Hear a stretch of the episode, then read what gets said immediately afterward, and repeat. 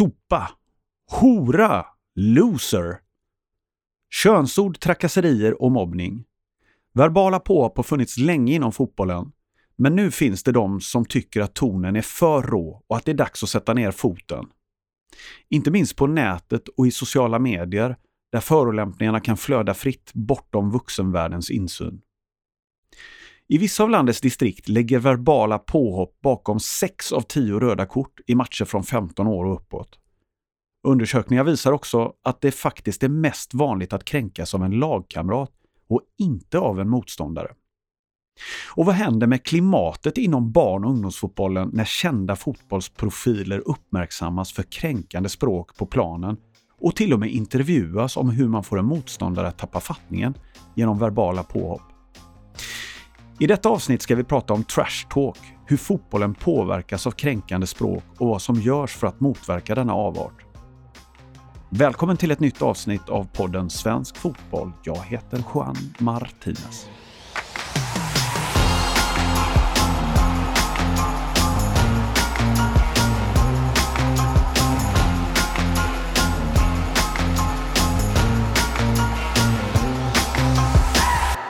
Då välkomnar vi Maria Persson som är sakkunnig inom idrottsfrågor på Friends. Tackar. Och vi välkomnar även Urban Ivarsson från Gästriklands fotbollförbund. Tack så mycket. Hörni, Maria Urban, vi försöker reda ut en sak. Vad är trash talk egentligen? Vad säger du Maria? Jag skulle definiera det som, eh, som en typ av kränkning. Eh, och det som vi kallar för en verbal kränkning. För det handlar ju om att säga taskiga kommentarer eller nedvärderande saker till någon. Så, så kränkning benämner jag det absolut som. Skulle du hålla med om det Urban? Ja absolut. Alla former av eh, verbala kränkningar eller kanske psykningar mellan olika former av idrottare. Det kan ju även vara mellan ledare eller så. Även kanske också på något vis som har någonting under matchen som att göra. Eh, det håller jag absolut med om. Har det här inte alltid funnits inom fotbollen? Är det, eller vad, vad tänker ni om det? Vad tänker du Urban? Jo, det, det, tror jag. Eh, men den har nog varit mer dold om jag uttrycker mig så. Trash talk eller vad vi nu har kallat det för har nog funnits. Att det har varit en dolda glidningar eller psykningar för att ja, på något sätt få motståndarna att komma lite ur balans. Eh, idag känns det som att den kanske är mer öppen och mer rå än vad den har varit tidigare. Min egen tolkning. Vad säger du Maria? Håller du med? Jag håller med om att den kanske alltid har funnits. Sen är frågan om, om den har blivit mer rå eller om det bara är andra ord, att ord betyder olika saker. Eller om det är att vi faktiskt uppmärksammar det mer idag. Man pratade inte så mycket om kränkningar inom idrott förr, vilket man gör idag som är superbra. Du Urban, jag vet att ni i Gästrikland har ju tittat närmare på det här och sett en ökning av trash talk. Vad, vad har du sett för siffror bland annat och vad, vad är det för signaler du får från domare och ledare och föräldrar? Mm. Nej, men det, det, vi har sett och det är ju då, då ska man komma ihåg att det här är från 15-16 år och uppåt över seniorålder så att säga. Så det är inte barn och yngre ungdomar utan från 15-16 uppåt. Där vi då har distriktsdomare som dömer matcherna. Um, här har vi sett en förflyttning från att det blir färre och färre kapningar om man säger så, den gamla klassiska kapningen och gå mer mot verbala grova utvisningar. För det är utvisningar vi pratar om här, grova röda kort direkt. Uh, och tar man då statistiskt sett så kan man säga att vi började kolla på det här 2017 och då hade vi 55 grova utvisningar varav 17 av dem var verbala, 33 procent av, eh, av våra utvisningar. 2018 hade vi 87 inrapporterade ärenden totalt varav 31 var verbala och det var upp 44 procent. Eh, och 2019 var det fortfarande 44 procent. 2020 så var vi uppe på, då hade vi sjunkit i antal incidenter, 54 inrapporterade röda kort men 28 var verbala, alltså 63 procent. Och då ska vi komma ihåg att 2020 var en halv säsong. Mm. Så någonstans så står det för en ökad del av utvisningar som är kopplat till det verbala och mindre för vad som sker i närkamper eller i att man inte hänger med på plan. Det är den tendensen vi ser i 15 och uppåt. Delar du den här bilden Maria från, från er sida på Friends som jobbar kanske då bredare än bortom bara idrotten? Ja, nu kan ju inte jag prata om vad som leder till utvisningar, men, men vi kan ju se i samhället att eh, kränkningar och mobbning har ju funnits länge, men de senare åren så ser vi att siffrorna för antalet barn och unga som utsätts för mobbning faktiskt ökar. Och när vi tittar specifikt på idrotten så ser vi att eh, de verbala kränkningarna, alltså elaka kommentarer och annat, är den, den typen av kränkning som förekommer i allra högsta grad. Eh, så på så vis delar jag absolut bilden.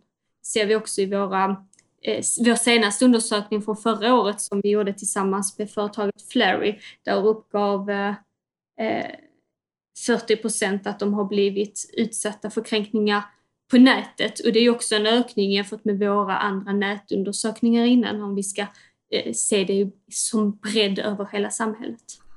Vi ska återvända lite till nätet och de sociala medierna senare. Jag tänkte bara kolla, nu har ni tittat på Urban på äldre åldrar, eh, röda kort. Men om jag ställer frågan också, kryper det ner i åldrarna i fotbollen och i Gästrikland specifikt? Det är lite svårt att svara på om det, alltså, ja, det är klart det finns, precis som, som Maria säger, i yngre åldrar, men här finns det ett enormt mörkertal. I och med att vi kan, vi kan alltså mäta från 15 och uppåt i och med att vi har distriktsdomare och varje utvisning blir ju ett, ett utredningsärende så att säga, kopplat till Fogis och den delen. I barn och ungdom så har vi ju våra jätteduktiga ungdomar som dömer som har en annan form av utbildning men inte det är kopplat till ett rapporteringssystem. Så här bygger det mer på att vi får, vad ska jag säga, ifrån vuxna oftast, föräldrar eller kanske någon ledare som tycker att det har hänt någonting på matchen som de bara måste rapportera personligen till oss.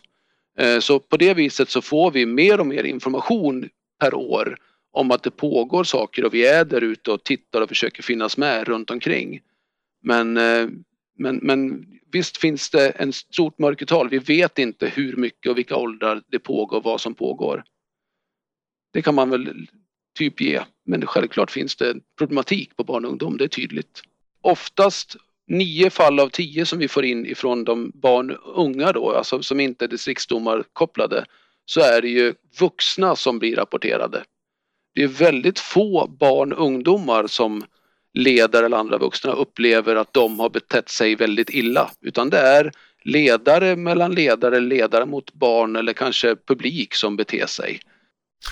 Och där har vi också indikationer på att under pandemin nu när vuxna inte har fått närvara i samma utsträckning så har ju faktiskt eh, många domare, eh, har vi i alla fall fått rapporter om, vittnat om att det var skönt att spela och döma utan publik på grund av att de hetsiga föräldrarna saknas ju då. Jag tänker Urban, för, för er del måste det eh, vara, vara en eh, positiv sak ändå för domarrekryterings, ur domarrekryteringshänseende att, att de signalerna har kommit. Ja, eh, ja, det får vi se. Vi vet ju inte hur, hur, hur, den effekten blir för 2021. Jag menar 2020 var ju ett extremt annorlunda år. Mm. Men det stämmer ju det, du, det, ni, det vi pratar om nu att på våran årligen återkommande barn och ungdomsutvärdering som görs med alla barn och ungdomsföreningar i vårt distrikt så framkom det ju från ett antal föreningar i fjol att eh, under 2020 då att, att eh, domarna tyckte att det hade varit ett skönare år. Mm. Att det var bättre stämning. Men det gäller även barn och ungdomar som upplevt att det varit lugnare att spela match. Det har varit roligare att spela match. Det har varit mindre fokus kanske på prestation och resultat och mer på min egen utbildning eller min egen utbildning och min glädje för att spela fotboll. Så det framkommer ju där och det stödjer det Maria säger. Du Urban, i Gästrikland har ni sjösatt två projekt, eh, hashtag nolltugg och high five. Kan du berätta lite mer om dem? Ja, eh, kort då. Alltså, hashtag nolltugg det är ju det som jag beskrev tidigare. Det är utifrån den statistik som vi såg någonstans. Eh, starten på hashtag nolltugg kom ordförandekonferensen efter säsongen 2018 där man då jämförde statistiken av eh, bestraffningsärenden 17 och 18 och såg en höjning och där såg man då den verbala förändringen och då bestämde man där alla föreningar att det här måste vi ta tag i. Och då skapades en massa aktiviteter som då från och med 2019 skulle börja rulla in. Alltså ett större fokus på domarutbildningar, spelordningsmöten. Vi skulle ha regelkvällar där domare och spelare samlades och pratade med varandra och såna grejer. Mm. Eh, men även på barn och ungdomssidan så pratade vi om olika aktiviteter. En av de aktiviteterna, barn och ungdom, var då våran så kallade, ska jag säga, eh, hälsningsdel av värdegrundsstart på varje barn och ungdomsmatch i vårt distrikt som vi kallar för High Five. Eh, ska inte kopplas ihop med Rädda Barnens High Five som är någonting helt annat.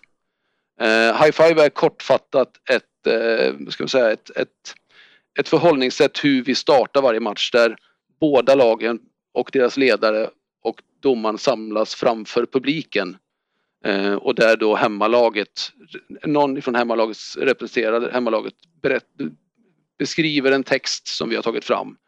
Där vi tonar ner vikten av vinst och eh, seniorfotboll och betonar att det är barn och ungdomar som spelar fotboll och att domaren är under utbildning liknande. För att sänka nivån av press. Jag tänkte vi skulle prata lite om trash talk och kränkande kommentarer på nätet och i sociala medier. Och eh, vi som jobbar med podden har sett några exempel på, vi har tittat runt lite och hittat exempel på trash talk på sociala medier. Jag tänkte läsa upp en grej för er. Eh, och vi avkodar vilket lag det är för att det, det, så här kan det låta i många sammanhang och det, det, det, här är inget ovanligt utan det är bara för att ge ett exempel.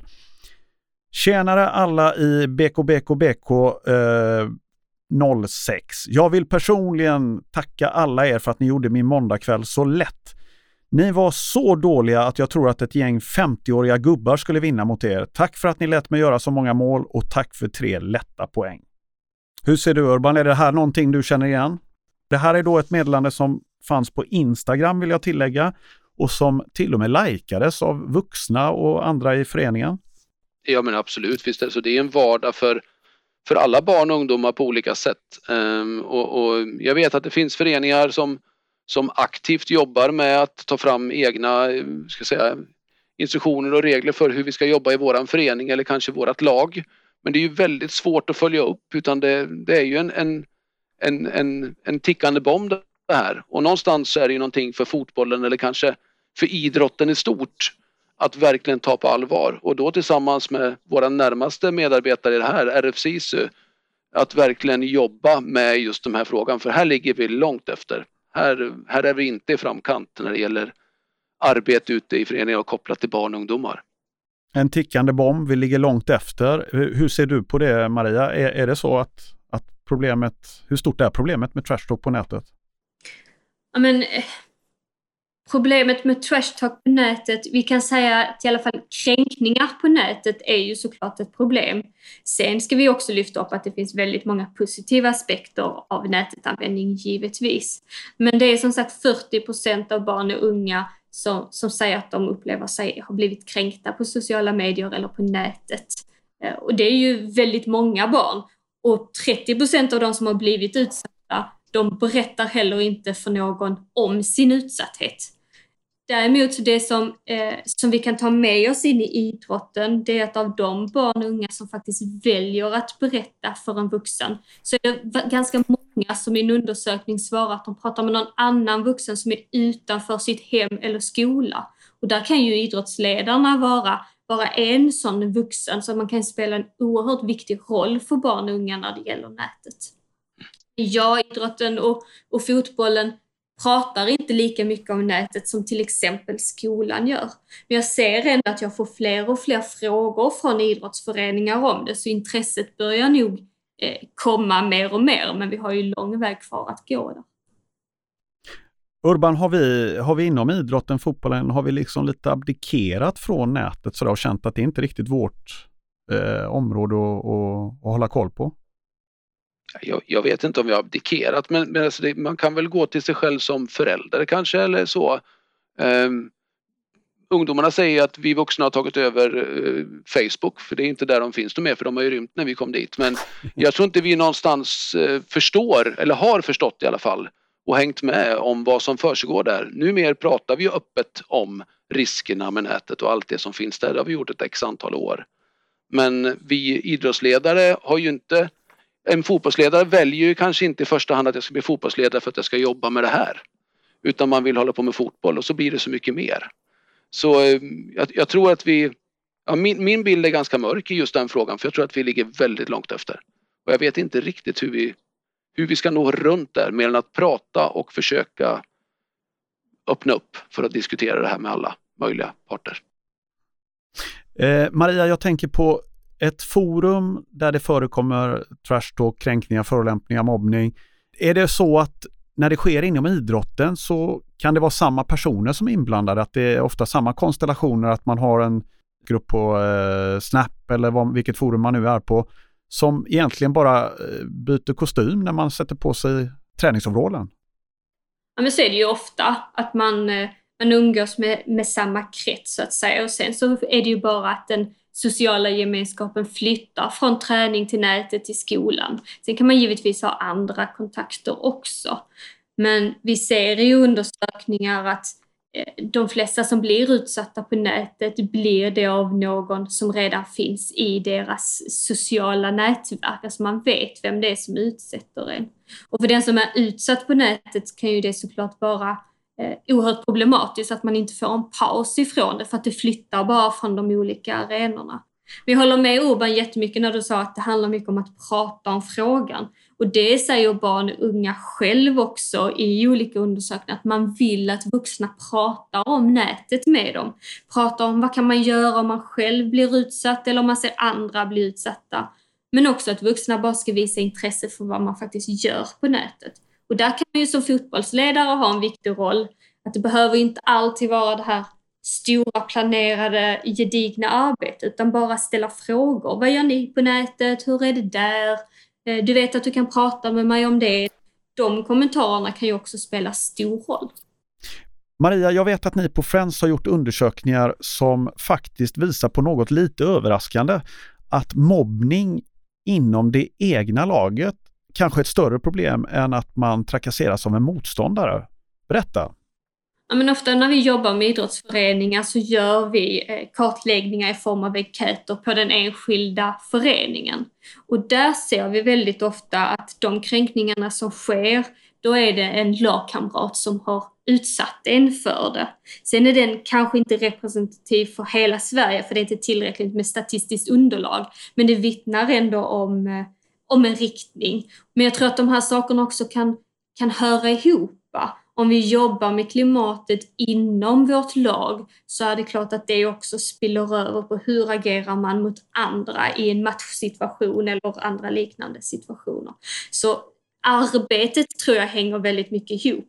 Men mycket kränkningar sker inom det enskilda laget och ofta handlar det om prestationer som vi var inne på innan. Det är prestationsdelen som utgör den största delen av kränkningarna.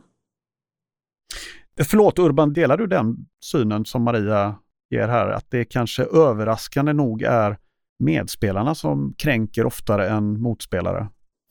Jag, jag, jag, där, är jag, där måste jag säga att det, det var en, en liten nyhet för mig. Men det jag sitter och tänker på då det är ju vikten av att vi ledare är närvarande i våra grupper. Att vi, att vi som är vuxna tar vuxenansvaret och någonstans sätter normen för hur det är att vara i vårt lag hur, hur vi ska vara mot varandra. Så där någonstans återigen så kommer det tillbaka till oss vuxna. Eh, var är vi i sådana fall om det är så? Känner jag. Mm. Eh, men det, det, blir en annan fråga än, än, det Maria pratar om. Det låter ju hemskt att jag inte ens kan vara trygg i mitt eget lag. Eh, ja, så tänker jag. Mm.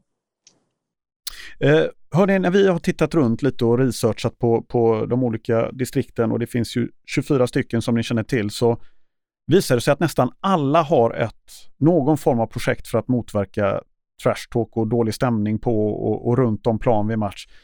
Vi har, I Småland har vi Heja Fotboll, eh, i Skåne har man tagit ett grepp med nolltolerans, eh, ni i Gästrikland har eh, nolltugg och... Eh, oh, high five! High five, just det.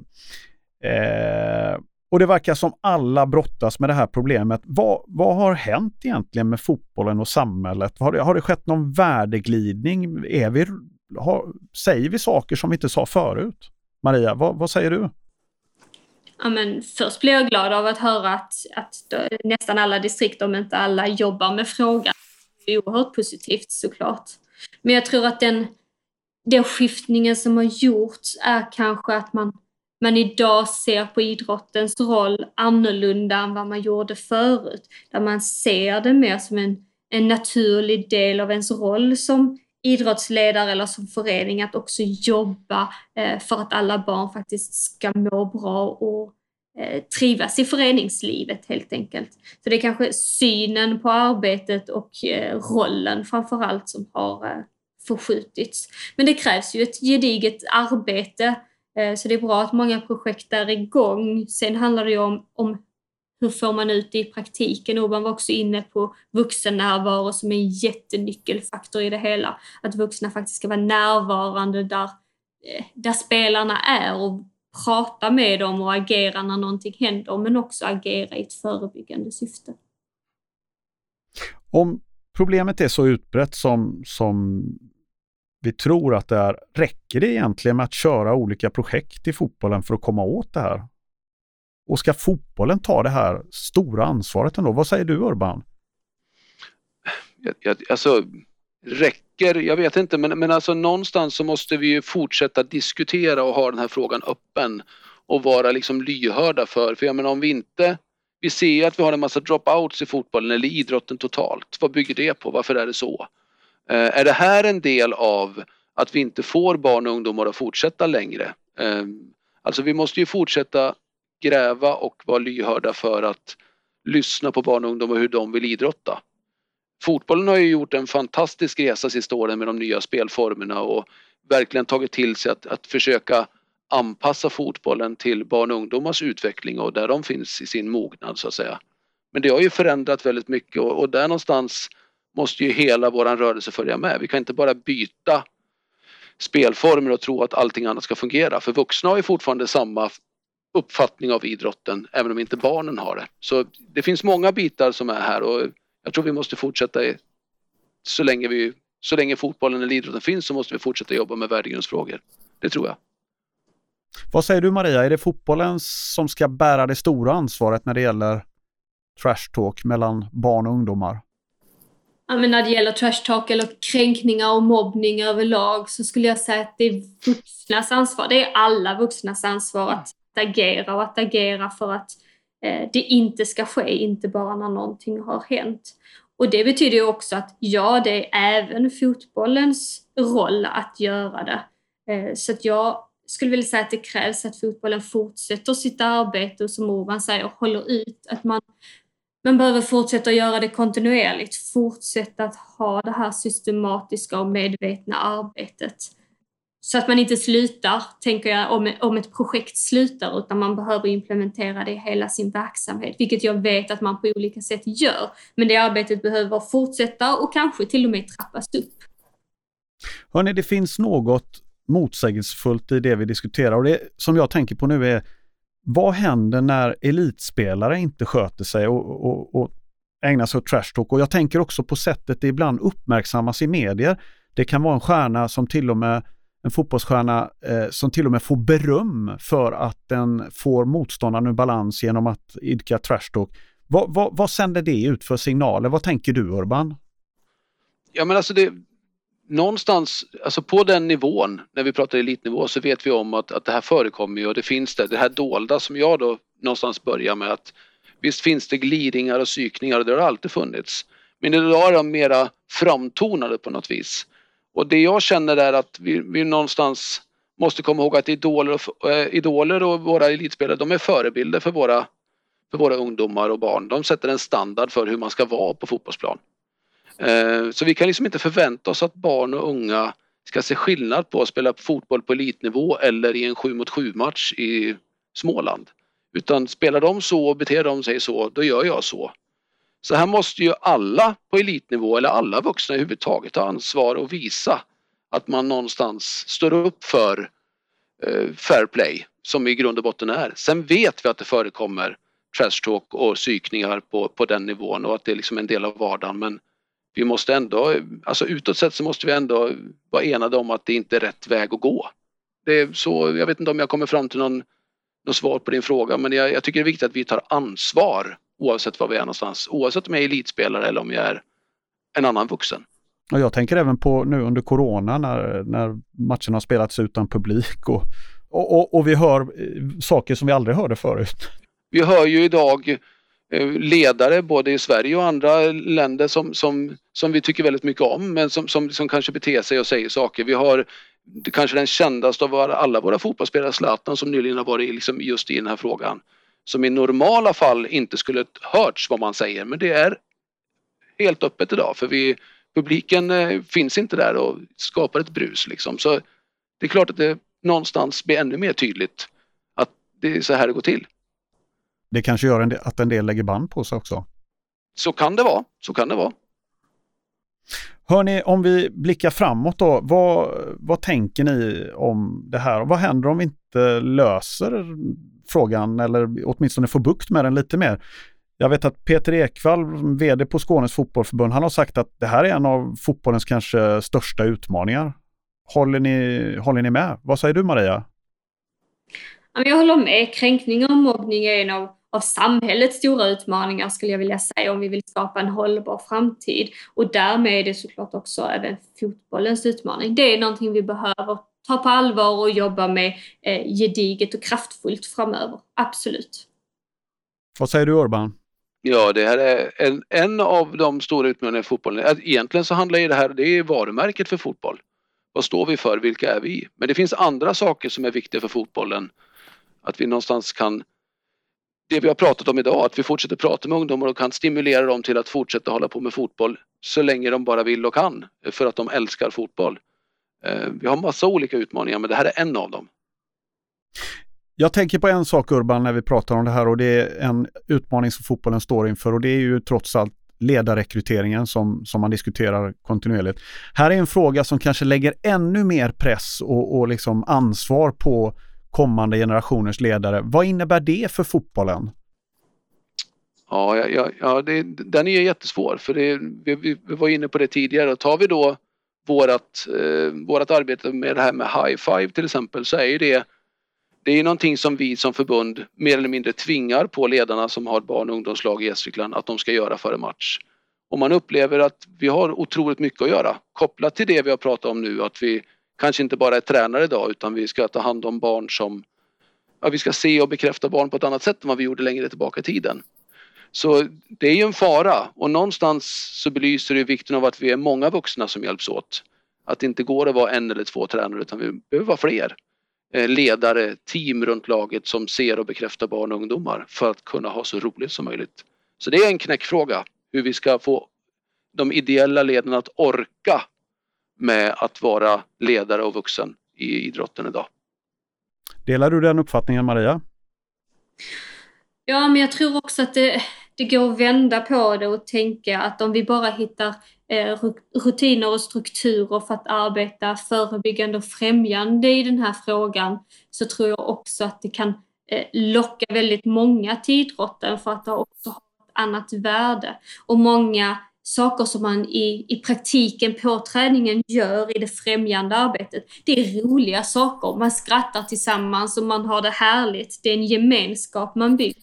Eh, så på så vis kan ju arbetet vändas till att också vara någonting som är, är roligt och lustfyllt. Men jag förstår att det är ett tungt arbete när man jobbar Eh, med det som vi kallar det åtgärdande, det vill säga när någonting har hänt.